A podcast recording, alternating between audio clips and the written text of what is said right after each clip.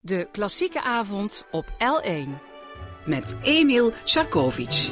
Goedenavond en welkom in het eerste uur van Ellen Klassieke Avond. Waarin ik zoals altijd een gast uit de muziekwereld ontvang die in zijn of haar platen, cd, uh, kast is gaan struinen, een muzieklijst heeft samengesteld en dat ook heel graag gelukkig met ons wil delen. Hij studeerde piano, koordirectie en zang aan de conservatoria van Maastricht, Tilburg en Den Haag en volgde diverse cursussen in de EVT-methode. Gaan we het over hebben. Hij was medeoprichter en tien jaar zanger uh, van het vocal quartet Rockfort en bouwde een carrière uit als zanger-arrangeur van deze groep en met Rockfort trad hij op in theaters door heel Europa en won diverse prijzen. Hij is werkzaam als vocal coach en klank klankcoach. Gaan we het ook over hebben. Arrangeur en dirigent bij diverse gezelschappen en geeft sinds 1993 les aan de Toneelacademie van Maastricht. Tevens ontwerpt en realiseert hij website. Een drukke man en ik ben blij dat ik hem hier heb uh, kunnen uitnodigen. Ik ben al jaren achter hem aan het gaan, maar hij is hier. Hij woont tegenwoordig in het mooie dorpje Rutte in België bij Tongeren. Is dat ja, vlak achter Tongeren. Goedenavond, Peter Weltens. Goedenavond. Zeg je het zo een beetje helemaal allemaal kort? Want ik moet het kort houden tegenwoordig. Dat ik alles wat je doet is zangcoach, dirigent. Als we het daar beperken. Zangcoach, dirigent, klankcoach arrangeur. en arrangeur. Voilà. Ja? Dat is het eigenlijk. Ja. Dat, dat, is het eigenlijk. Dat, dat, dat, dat is heel wat. Um, is het dan ook uh, in die volgorde zo? Of is dat accent altijd anders? Meestal dirigent, dan coach is... en dan... Alles is voortdurend met elkaar vervlochten. Want als je dirigeert, dirigeer je koren vaak je eigen arrangementen. Dus heb je net gearrangeerd voor het koor. Als ik les geef, zingen mijn studenten vaak de dingen die ik gearrangeerd heb. Dus dat is ook weer arrangeren. En als ik dirigeer, dan geef ik ook les natuurlijk, want je probeert ook het klank te verbeteren. Dus alles is voortdurend met elkaar samen. En dan um, is het wel constant zingen en constant piano spelen voor jou, toch? Ja, dat is mijn leven, ja constant piano spelen en laten zingen vooral. En voorzingen en meezingen en dat. Muziek, altijd muziek. Nee, omdat ik dat zeg, want uh, we gaan het erover hebben hoe het beetje ooit begon. Maar dat is zo'n groot en uh, nogal omvattend verhaal. Maar dat probeer ik nu al een beetje duidelijk te maken. Het was pas heel laat de zanger en uh, koordirigent Peter Weltens. Ja, het was vooral namelijk de pianist. In het begin was er de piano. De liefde voor de piano. Jij zou de grote concertmeester worden. Als ik het even heel kort cru door de ja, bocht concertpianist. Ja, Sorry, concertpianist, excuus. Ik zeg concert, concertpianist, ja. Uh, dat was wel het plan, ja. Uh, dat was de bedoeling. Ik uh, had de liefde voor muziek opgevat en wilde dat middels de piano uitdrukken. En gedurende een redelijke tijd leek dat te lukken. Want wat ik dan ook zeg, want je vrouw of je huidige partner, zo moet ik het zeggen, je, je huidige partner, die zegt wel eens, moet jij niet piano gaan studeren? Dat zeg je vrouw.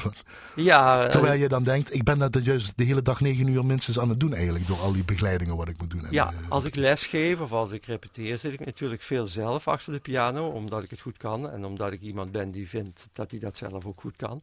Dat is ook een probleem. Nou. um, dus ik zit heel veel achter de piano gedurende de dag met veel plezier. En als ik dan thuis kom ga ik liever niet nog achter de piano zitten. Tenzij ik iets moet voorbereiden, maar voor mijn plezier uh, heb ik dat de hele dag al gedaan. Dus, dus thuis... het komt goed van pas, van wat je toen mee begon? Ja, niks, niks is ooit weggegooid geweest. Mede, nee. Medeoprichter van uh, de vocal quartet Rockfort. Ja, Be bekend in binnen- en buitenland, laat ik dat gewoon maar even gewoon zeggen. Ja, ooit wel, ja. Uh, ooit ja, wel. wel. Wanneer heb je toen begonnen? Oh, we zijn lang geleden zijn we begonnen. Ik ben al tien jaar geleden ermee gestopt en toen waren we geloof ik tien jaar bezig. Dus het zal twintig jaar geleden begonnen zijn. Je zingt niet meer met ze? In een ander leven, nee. In een ander leven, waarom? Ja. Waarom ben je daarmee gestopt? Ben je, hadden jullie ruzie, oneenigheid? Nee, die, ruzie die hebben grote, we Geeft die gehad. anekdotes allemaal? Nee, nee, nee. Is het zo'n verhaal geweest? Hoeveel, nee. hoeveel uur heb je? Nee, nee, nee, maar waarom? Um, een ander leven, zoals je zegt. Nou, het werd gewoon te veel. Als je dat, het klinkt heel blasé, maar als je dat tien jaar doet, dan komt er een punt dat je denkt, uh, ik heb geen zin meer. Ik heb echt diep van binnen geen zin meer. Ik was al weken moe. En het was eigenlijk gewoon het moe. En voordat je dat aan jezelf toegeeft, ben je alweer een heel stuk verder. Ja? Toen ben ik naar een dokter gegaan en die uh, zei, wat is er aan de hand? Toen heb ik verteld wat ik allemaal deed. En die zei, als je niet nu meteen stopt, dan kun je binnenkort een jaar naar de muur gaan zitten kijken thuis. Want ik deed zoveel dat het te veel geworden was zonder dat ik het zelf in de gaten had. En het had eigenlijk niks met Rockfort te maken? Nee, met alles wat ik deed. Dus je moest keuzes maken? Ja, het, het viel wel op dat zodra ik uh, moest gaan optreden, dat ik moe en ongelukkig was. En zodra ik ging lesgeven, dat ik tevreden en ontspannen was. Dus de keuze was eigenlijk al gemaakt, zonder dat ik het zelf wist. Heb je toen geleerd, want ik eh, heb je nou leren kennen en we hebben een voorgesprek gehad en aan de telefoon met elkaar gehangen, zal ik maar zeggen. Eh, je bent nogal resoluut. De Mhm. keuze is een keuze en dat is het dan ook. Kom Ja. je ook niet meer op terug. Nee. Dat is altijd de goede keuze dus voor jou. Eh, kijk, er is altijd een keuze. En het, het slechtste wat je in je leven kunt doen is spijt hebben, want dat is wensen dat je een andere keuze gemaakt had. Je maakt een keuze en je gaat ervoor. Zo is het leven. En dat bepaalt de richting van je leven. Welke je- keuze je ook maakt. Heb je dat toen een beetje doorgehad met die dokter die zei van nou moet je mee ophouden? Ja, ja. Is dat toen pas ook begonnen eigenlijk? Eh, nee, dat Was je toen een andere Peter Weltens, zag ik maar eh, zo je zeggen, bent voor die elke dokter. dag een ander mens. Dus dat, ja, natuurlijk was ik een ander mens. Die van toen bestaat niet meer. Die is er nu niet meer. Nu is er weer een andere. Het is een heel, heel metafysische discussie. Ja, prachtig, prachtig. Maar fijn dat je nou in jouw hoedanig bent op die manier vandaag hier Ja, bent in ieder geval. Eh, eh, als indicatie even je, je, je, je, je soort muzieklijst die je samengesteld hebt. Ja. Zei je tegen mij, ik, dat is allemaal zoet Emil hè? Het is allemaal Het zoet. is allemaal sentimenteel Het is sentimenteel, ja. Ik hou ook van hele harde rockmuziek, hè, maar daar dit niet het programma voor. System of a Down vind ik te gek, Rage Against the Machine. Maar Ah, dit- net, dat kan net niet hè? Dat is, net dat is voor vanavond niet zo toepasselijk natuurlijk. Ah, dus ik, maar goed. ik heb klassiek uitgezocht. En en klassiek dan kom je dus bij zoet en sentimenteel. niet alleen voor mij, maar wel waar mijn hart van open gaat, eh, is dit de muziek. Ja, en die is, als ik het zo achter elkaar hoor, wel zoet en sentimenteel. Dus de luisteraars zullen smullen, denk ik. Zullen we daar een versnapering bij nuttigen voordat we naar de eerste fragment gaan eh, luisteren? Heel goed, doe Wat maar. wil je graag eh, drinken? Dan ga ik dat zoeken naar één Eh, kantine. Doe mij maar een whisky dan. En liefst een single malt als het kan, met een klein beetje water. Tuurlijk, waarom ook niet? Maak het maar lekker makkelijk. Ga ik dat zoeken? Wil je toch een beetje uitleggen wat we gaan horen? Of zullen we dat daarna doen? Is eigenlijk de vraag nu aan jou. We Eh, beginnen met Maurice Ravel, deel 2, een gedeelte eruit. Uit het pianoconcert in G van, met als pianist Arturo Benedetti Michelangelo. Eh, Michelangeli, zo moet ik het goed zeggen. goed. Wil Ja. je iets, een tipje van de sluier of helemaal een beetje? Nee, luister maar eerst. Ga ik de versnapering zoeken? jij die Ga- whisky maar zoeken. We zoeken.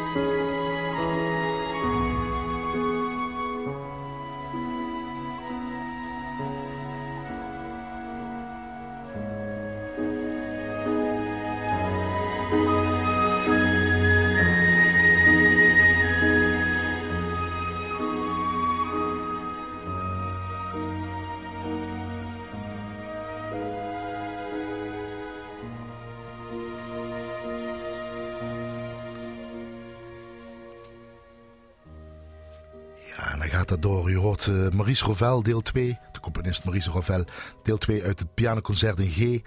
Met als pianist Arturo Benedetti. Michelangeli hier in het eerste uur van de Ellen Klassieke Avond met als gast. Dirigent, zang, klankcoach, arrangeur Peter Weltens. We laten het nog een beetje lopen. Mm Het is eigenlijk een godsbe dat we daar nog heen praten. Um, maar dat doen we met een reden. Het gaat om die pianist.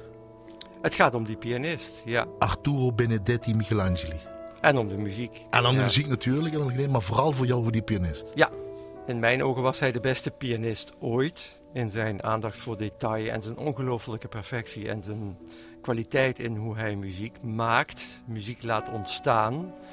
Hij is eigenlijk nooit heel sentimenteel en daardoor weet hij ongelooflijk te ontroeren, omdat hij niet sentimenteel wil zijn. En, en nou, waarschijnlijk ook de beste die er zal zijn. zijn jouw woorden. In het voorgesprek hebben we Ja. het erover gehad. Ik moet het nog zien. Het is, eh, of horen dat er een pianist is waarvan ik denk, god, Nog een klein stukje als we mogen. Ja.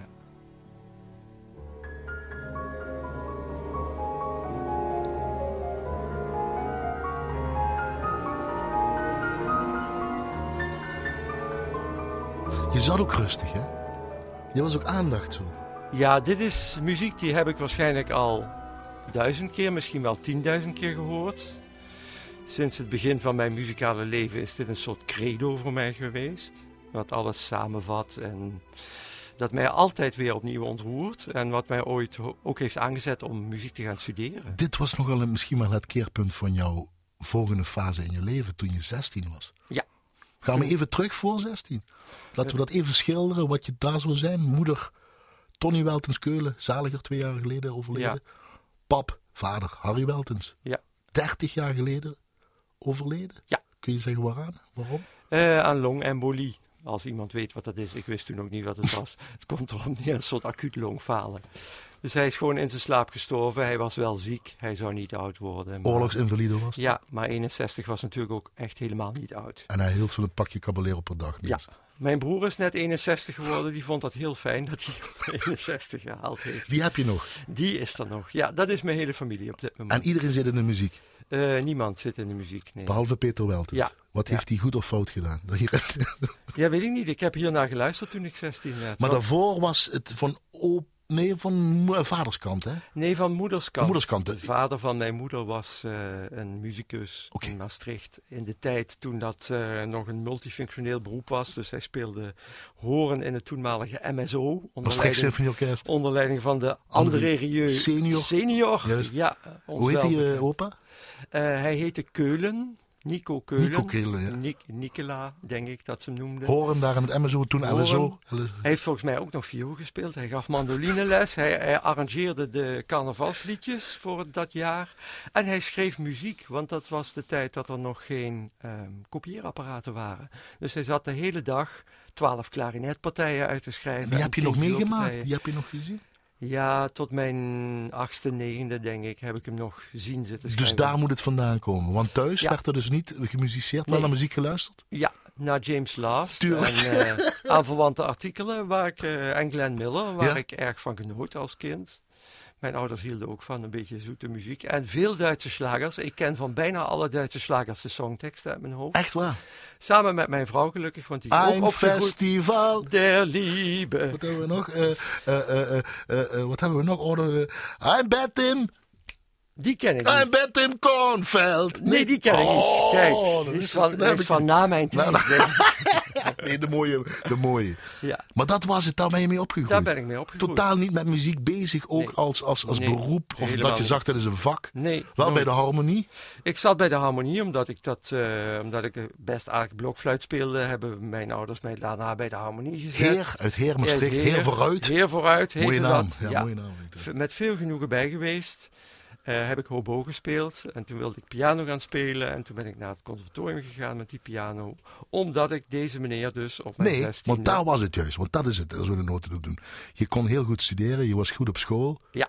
Zeer intelligent, gymnasium. Dat zeiden ze toch, ja, Dat zeiden ze toch of niet? hè? dat zeiden ze. En je had eigenlijk elektrotechnisch ingenieur willen zijn. Ja. de computer en alles en die Ja. programma's die kwamen eraan. Ja, precies. En het was ook resoluut, want we hadden het over. Je bent een resoluute man, maar je maakt die keuzes. Ja, Dat moest het worden. Ja, dat moest het worden. Dat heb, mijn hele jeugd heb ik geknutseld en dingen gemaakt en ontworpen en gebouwd. En dat werkte ook allemaal. Ik kon ook van alles repareren. En je ouders vonden dat heel fijn? Die vonden dat prachtig. Fatsoenlijk ja. beroep? Ja, echt beroep. Harmonie je, leuk, piano spelen leuk. Maar daar kon je geld mee verdienen. Ja, een eer, eervol beroep. En toen op mijn zestiende zag ik deze meneer op de televisie. Ja, maar schets dat even. Je zat alleen, hè? Ik was, ja, mijn ouders waren naar hun wekelijkse kaartavond op woensdagavond. Want je weet het nog precies, dat is Ja, dat weet ik nog. En ik uh, had, volgens mij was ik net in de douche geweest. En toen zette ik de televisie aan, waar toen nog niet zoveel keuze op was. Ik zie kleine Peter Weltens zitten. Nee, klein. Ik was 16, hè. Ik was bijna zo groot als ik nu ben. Ja, 2 meter 10 of zo. 1,93.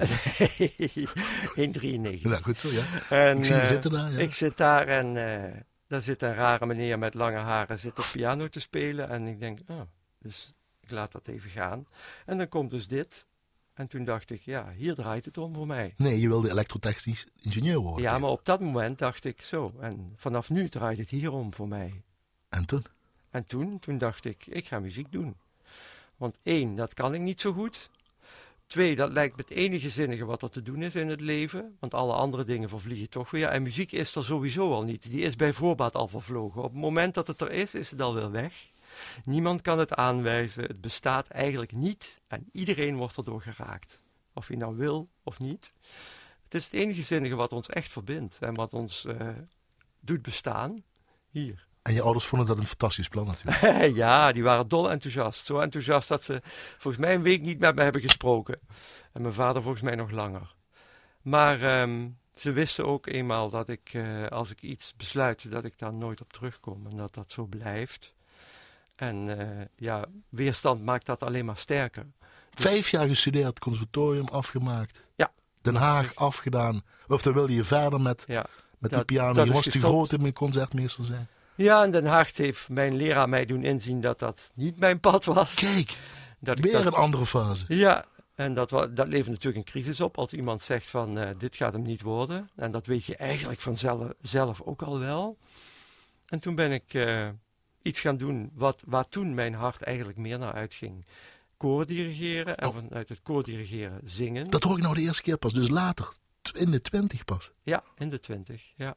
Met je Ja. toenmalige partner, Ja, Jacqueline Nelissen. Jacqueline Nelissen. In die wereld. Ja, ze hebben, dus zij zei toen ook tegen mij: waarom ga je niet dat doen? Als je dan niet goed weet wat je moet gaan doen, ga je. Zij studeerde toen al koordirectie in Tilburg en daar ben ik eh, mee ingestapt. En eh, dat is mijn beroep geworden. En van het een kwam het ander, zoals dat gaat in het leven. Het dirigeren, het arrangeren, ermee bezig zijn Het met, zingen, ja, met, die- met die literatuur ook. ja. En toen ontstond er ook voor, ook op een toevallige manier, van we gaan eens wat zingen voor een verjaardagsfeestje. En toen zei iedereen op dat feestje: zouden jullie dat niet eens vaker doen? En toen zijn we dat vaker gaan doen. En van het een kwam het ander. En van het een Zoek je mensen weer bij elkaar? Of zijn Eh, dat ook weer die keuzes die je dan zo resoluut op dat moment maakt? Nee, dat zijn geen keuzes die je maakt. Dat zijn dingen die toevallig op je pad komen waarvan je denkt, ja, laat ik het allemaal doen. Dat lijkt me wel leuk. Omdat je iets goed kan, een goed talent hebt? Of omdat je eh, Nee, het ja. geluk aan je vod hebt hangen? Ehm, allebei niet. Ik denk ehm, dat ik ook wel vaker dingen kies die ik juist niet goed kan. Omdat ik denk, goh, dat, dat, dat lijkt me nou niet dat ik dat eh, echt kan. Laat ik het maar eens proberen. En dan er heel hard voor werk. En dat het dan dan... En ook Rock goed Voor, is. dat was goed. Eh, dat was goed. En volgens mij is het nog goed. Maar Dat is het nog steeds anders. goed. Maar toen Ja, op dat moment met jullie. eh, je Nou ja, goed. Je werkt heel lang, heel hard en je gaat door dalen en pieken en niemand kent je. En na een paar jaar wordt het iets. Dan Maar sta je in het buitenland op grote podium. Ja, maar we hebben een lange programma's. fase gehad van keihard werken. Hoe belangrijk was Rock twijfels. Voor voor jou? Als we nu Ehm, terugkijken. net als alle grote dingen in je leven is Ja, maar even naar dit. Even naar dit. Op dat moment, was dat voor jou wat? Eh, dat was voor mij het belangrijkste in mijn beroepspraktijk en ongeveer het belangrijkste in mijn muzikale leven. Horen je, eh, we horen nou Crazy English Summer, origineel van Faithless. Ja, En jij uh, is arrangement Luc Nelissen. ja, Die, een van de, jullie leden heeft daar een arrangement van gemaakt. Ja. En jij begint met jouw stem, hè? ja. Je hoort mij als eerste. Moet je nog iets zeggen, Rock voor of we Nee, let's have it. Neem een slokje van je whisky, gaan we luisteren. Oh, lekker.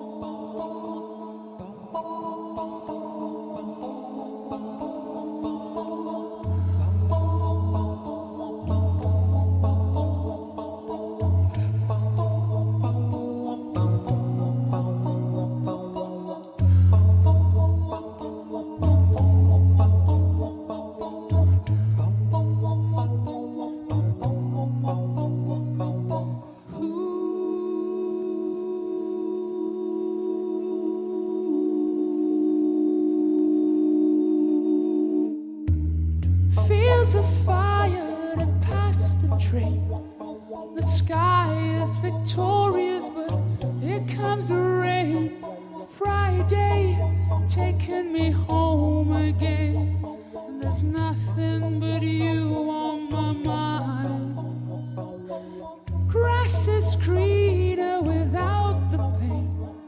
I think that I'm changing, but I'm just the same. My sun is ascending again. There's nothing but you on my mind. Sometimes I feel like I'm glad to be free.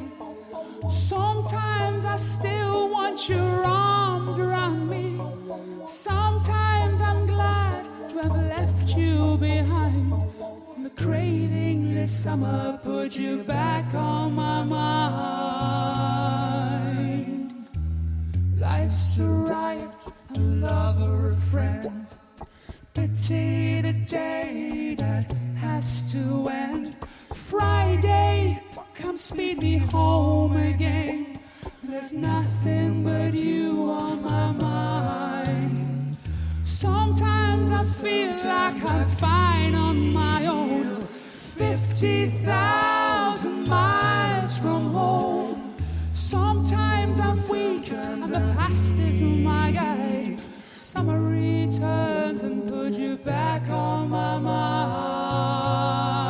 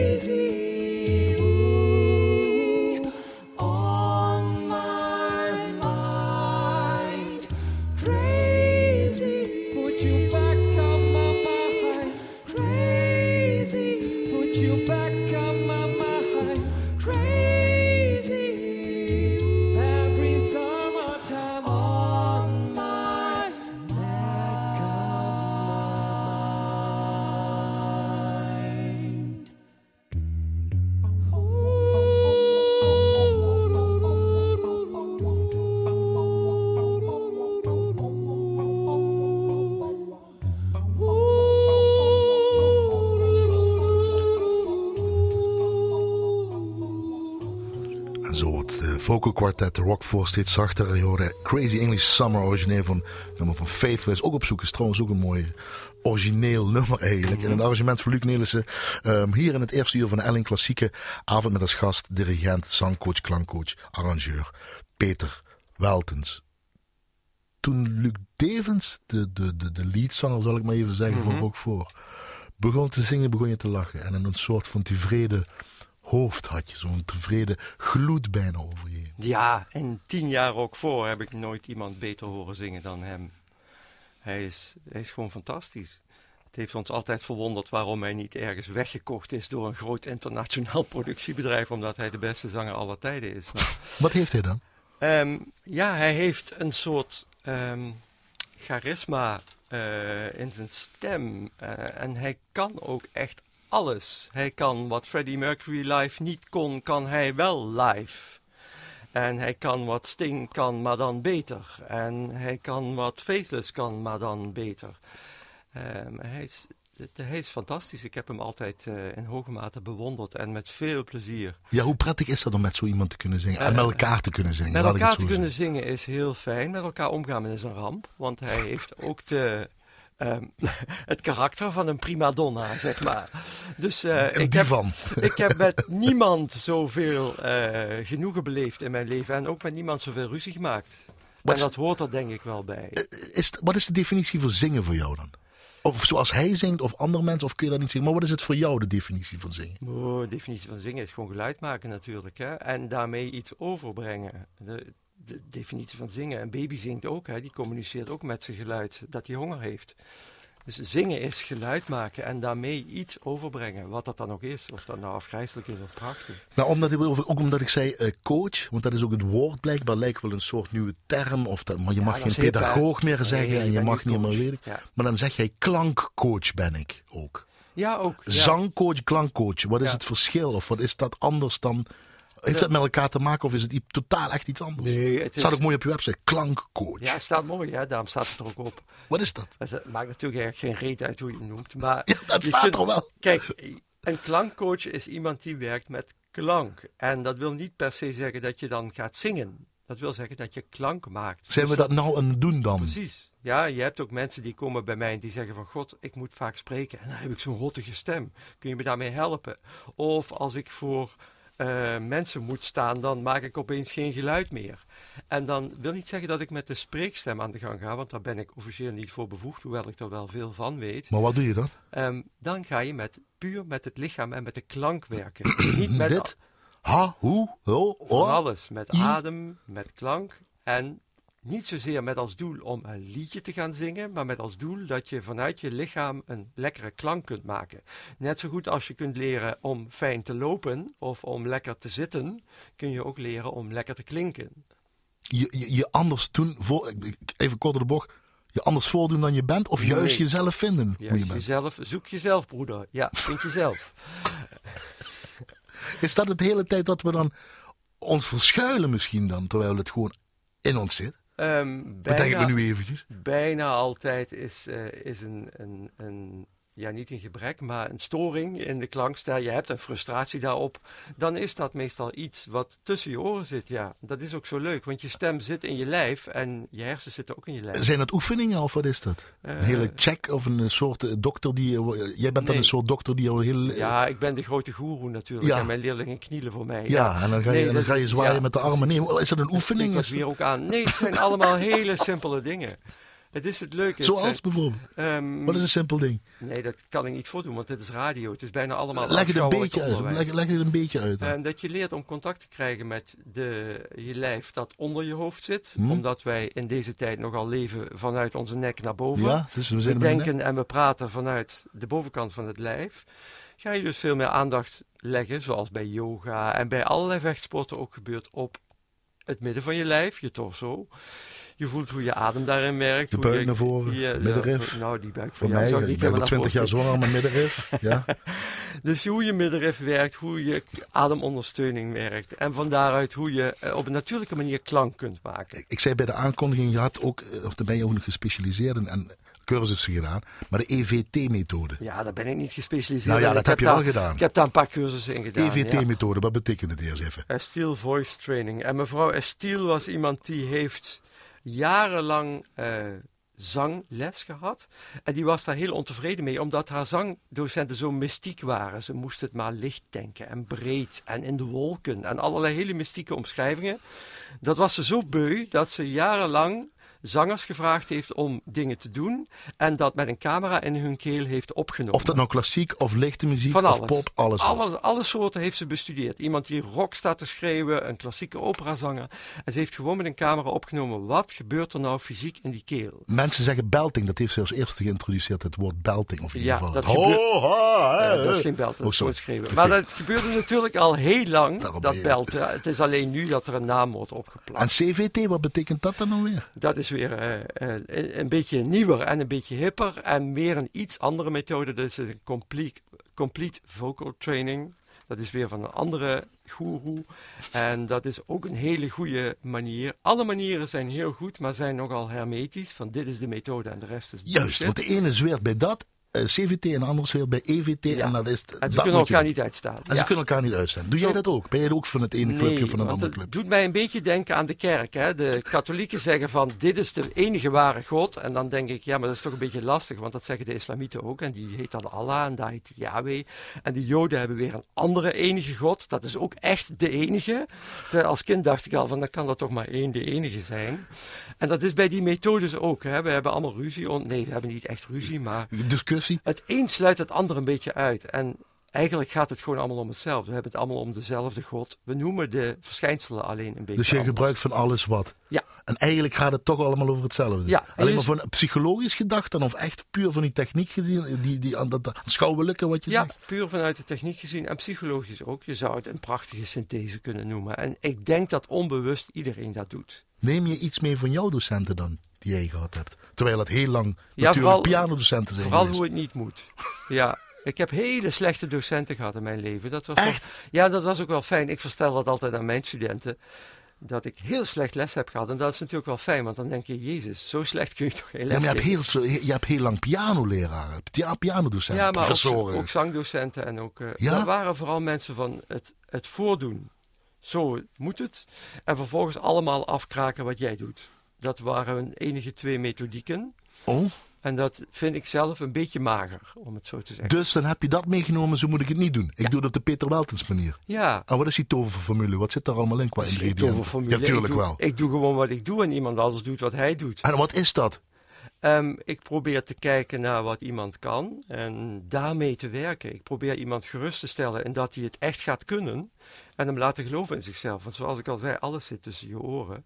En als tussen je oren zit dat je niet gaat kunnen, dan ga je niet kunnen. Is het de hele tijd zoeken naar jezelf dan? Als je het zo eh hippie-achtig wil stellen, ja. maar je zoekt natuurlijk niet. Je bent voortdurend jezelf aan het vinden. Er valt niks te zoeken.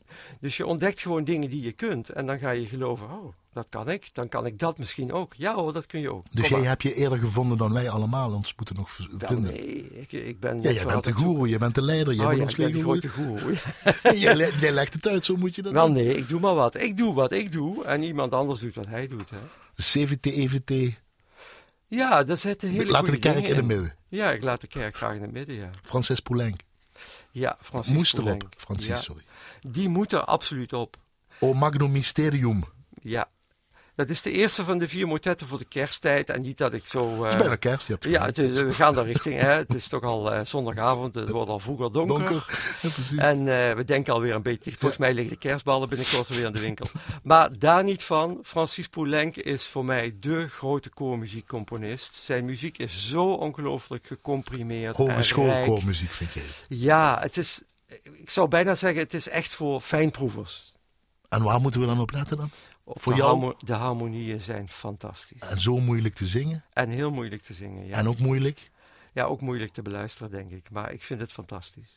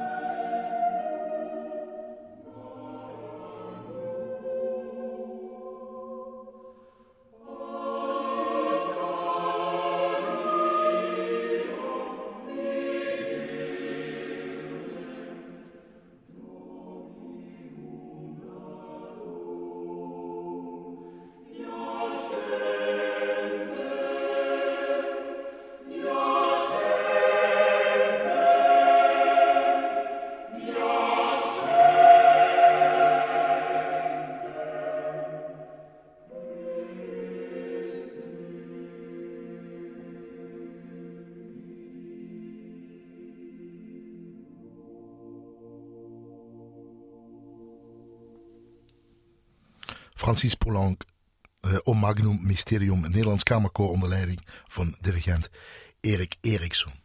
We, we werden eigenlijk allemaal stil in de studio.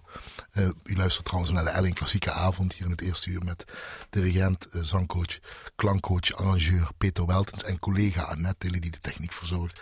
We werden allemaal rustig. En Annette zei toen de mooie woorden. Het is ook fijn om te horen dat mensen ook zo kunnen zingen. Mm -hmm. Dit materiaal, deze literatuur. Ja. Jij blijft ook rustig naar onder kijkend. Ja, dat is prachtig hè. Wat haal jij er dan vanuit dan? Als we een beetje teruggaan met zo'n vocal chord, piano gedaan. Of wat zeg ik nou, vocal chord? Een vocal kwartet, rock voor, piano gestudeerd. Um, en dan hoor je dit voor jou. Terwijl je op latere leeftijd daarmee in aanraking echt bent gekomen. Nou ja, latere leeftijd valt wel Nou mee, ja, maar goed. ehm, ik ben nu op latere leeftijd, want ik ken dit materiaal natuurlijk nu al 30 Even jaar. kijken, je bent uit 19... Ik ben uit 66, 66, hè, ja. dus ik ben nu 51. 51, ja. Dus ik vind mijzelf al behoorlijk op latere leeftijd. Ehm, Maar dan kom je met zoiets en dan zingen dat mensen en dan Ja. die intervallen en die... ja, weet je, het is altijd heel moeilijk uit te leggen hoe ik dat nu hoor. Want ehm, iedereen luistert natuurlijk anders en je kunt niet in elkaars hoofd kijken. Maar jij bent nu te gast hier. als een timmerman naar een tafel kijkt, ziet hij een andere tafel dan wanneer een kind daarnaar kijkt.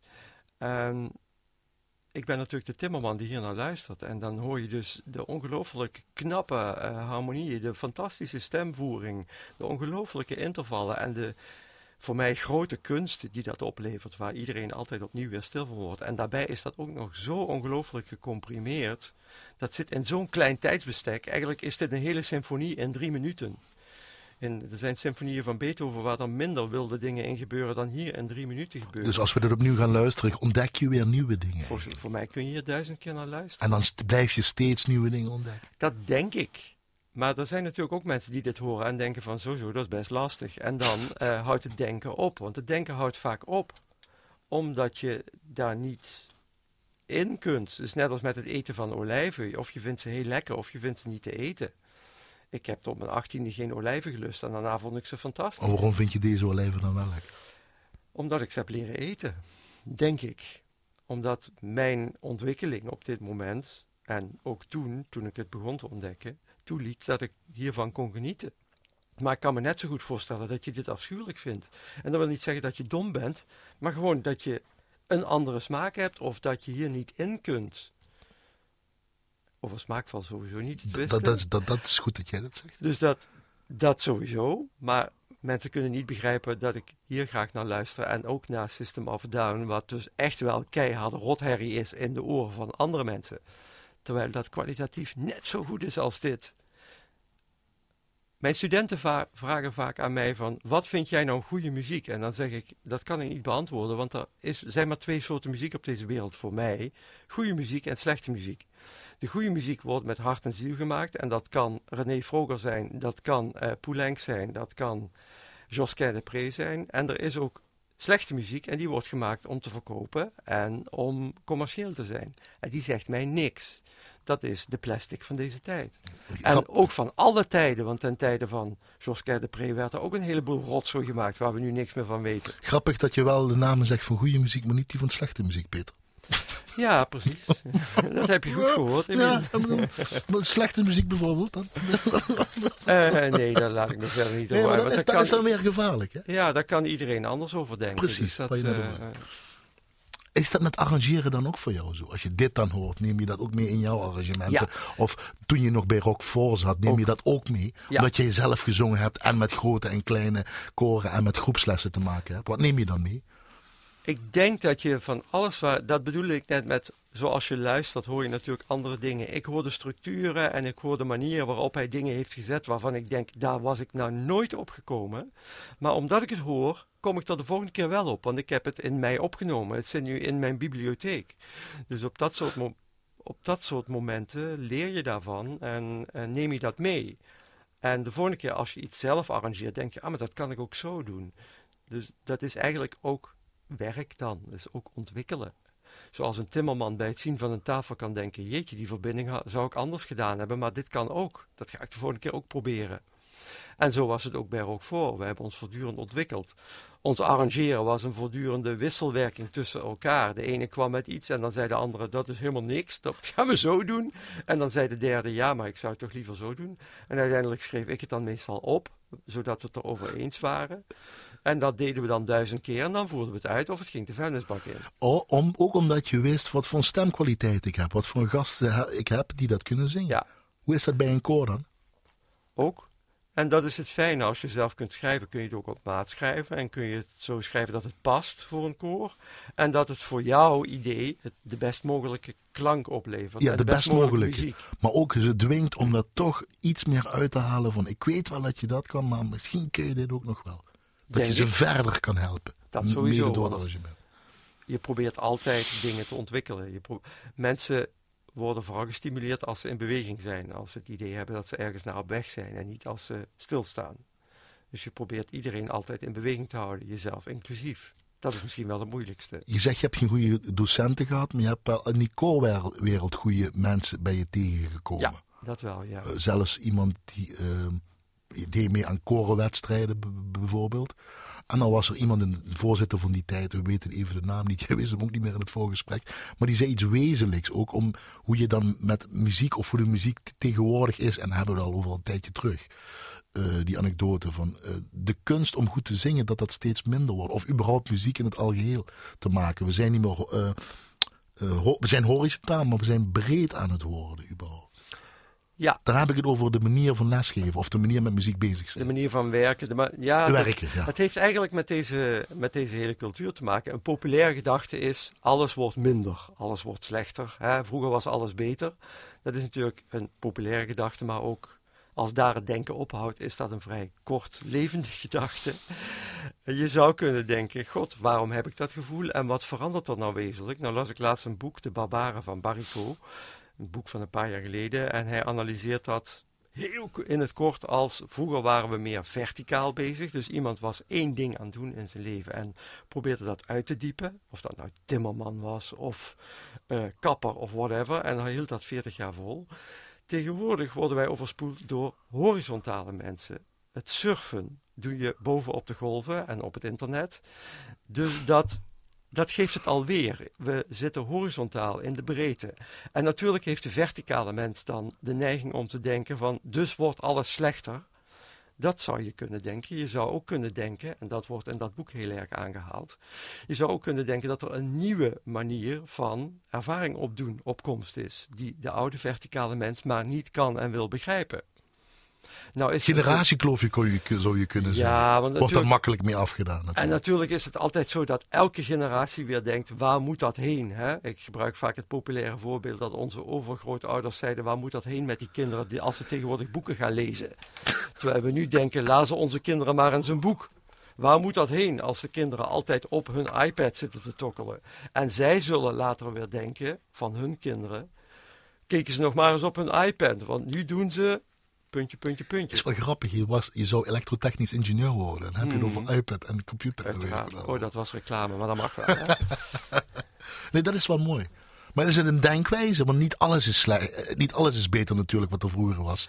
Maar er zijn ook dingen goed geweest wat er nu niet is. Ja, eh, ik denk dat de beste denkwijze is om te denken dat wat er nu is, is er. En wat er ooit was, zit in je herinnering. En kun je dus best meenemen naar het nu, maar het heeft geen enkele zin om daarna terug te verlangen. Want het is er niet. Het terugverlangen levert wel een heel mooie vorm van sentimenta- sentimentaliteit en melancholie op. Een van de mooiste gevoelens die er is om muziek vanuit te maken. Want die herkennen wij allemaal. Een soort open haard, warmte en kastanjes op het vuur en bladibla. Glasje whisky erbij. En dat is een hele fijne emotie. En als emotie is heel waardevol. Maar als grondgedachte is het natuurlijk best een lastige manier om vanuit te leven. En jij gaat dat nou doorgeven op die manier van wat je toen hebt naar nu hebt. Een combinatie van. Dat is wat we allemaal proberen, denk ik. Hè? Je staat allemaal in een soort brandpunt van krachten van toen eh, richting de toekomst. Maurice Ravel. Laatste deel uit eh, een gedeelte daarvan. Nee, het laatste deel is het. eh, uit Ma Mère Loi, zeg je het goed? Ja, Moeder de Loi, Gans. Moeder de Gans. Le Jardin Féerique, dat vind ik zo altijd zo mooi. Het Concertgebouworkest onder leiding van Bernard Haitink horen we zo meteen. Waarom dit? Waarom dit? Ja, Je, je zegt, ik ben zoet en sentimenteel als we naar de muzieklijst kijken, maar Ja. dit moest er toch op. Ik had vroeger een LP. Toen hadden we nog LP's. Aan de ene kant stond ehm Gaspard de la Nuit van eh, Maurice Ravel. Een van de moeilijkste pianostukken ooit geschreven. Door Arturo Benedetti Michelangeli. En Ja. op de andere kant stond van een of ander heel oud Italiaans orkest. Een opname in 1939. Mono met een hoop gekraakt. Dit. Ehm Ma Merlois. Dat is, ehm, zijn sprookjes van Moeder de Gans. Geschreven door Maurice Ravel. Nou ja, de muziek dus geschreven. En dit is het laatste deel. En altijd als ik bij het laatste deel aankwam bij het luisteren, wist ik, nu komt alles goed.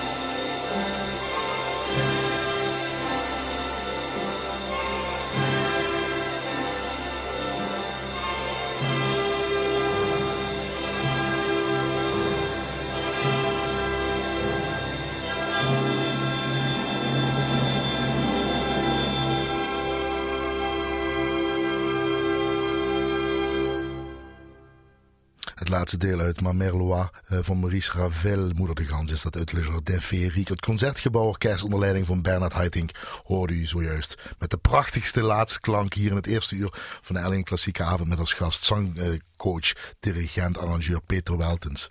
Dit is goed hè, dit is af hè. Dit is Het is klaar, hè? is ja, klaar, is echt, eh, alles is gezegd. Alles is hiermee. gezegd en gedaan. Ja, alles is wel. gezegd.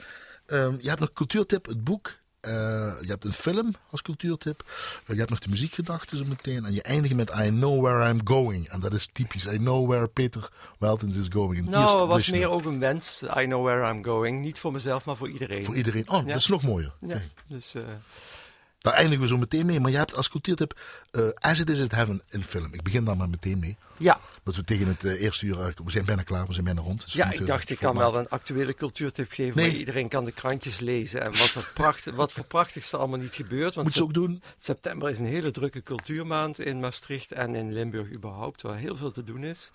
Dus daar is moeilijk om iets uit te pikken. As It Is in Heaven. As it is in heaven. 2004, een Zweedse 2004, film. Geregisseerd door Kai Polak. De muziek werd geschreven door Stefan Nielsen. Hij kreeg ook een nominatie voor beste componist op het Europees Filmfestival. Maar misschien is dat nou wel meer zeggend. De, de, de, de hoofdrolspeler Michael Nick Vist, eh, Zweed eh, uit Stockholm, eh, is 27 juni 2017, ik heb het opgezocht, overleden helaas.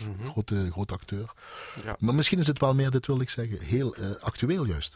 In de muziek. Het is altijd actueel. Dat is een film die zou iedereen moeten zien die ooit iets met kunst wil doen. Want de film gaat er eigenlijk over dat er een heel alternatieve manier is om muziek te maken. Niet zozeer vanuit nootjes en vanuit tempo en ritme en alles goed doen. EVT, CVT, hou maar op. Ja, maar meer vanuit, eh, ja, het klinkt heel, eh, Mm.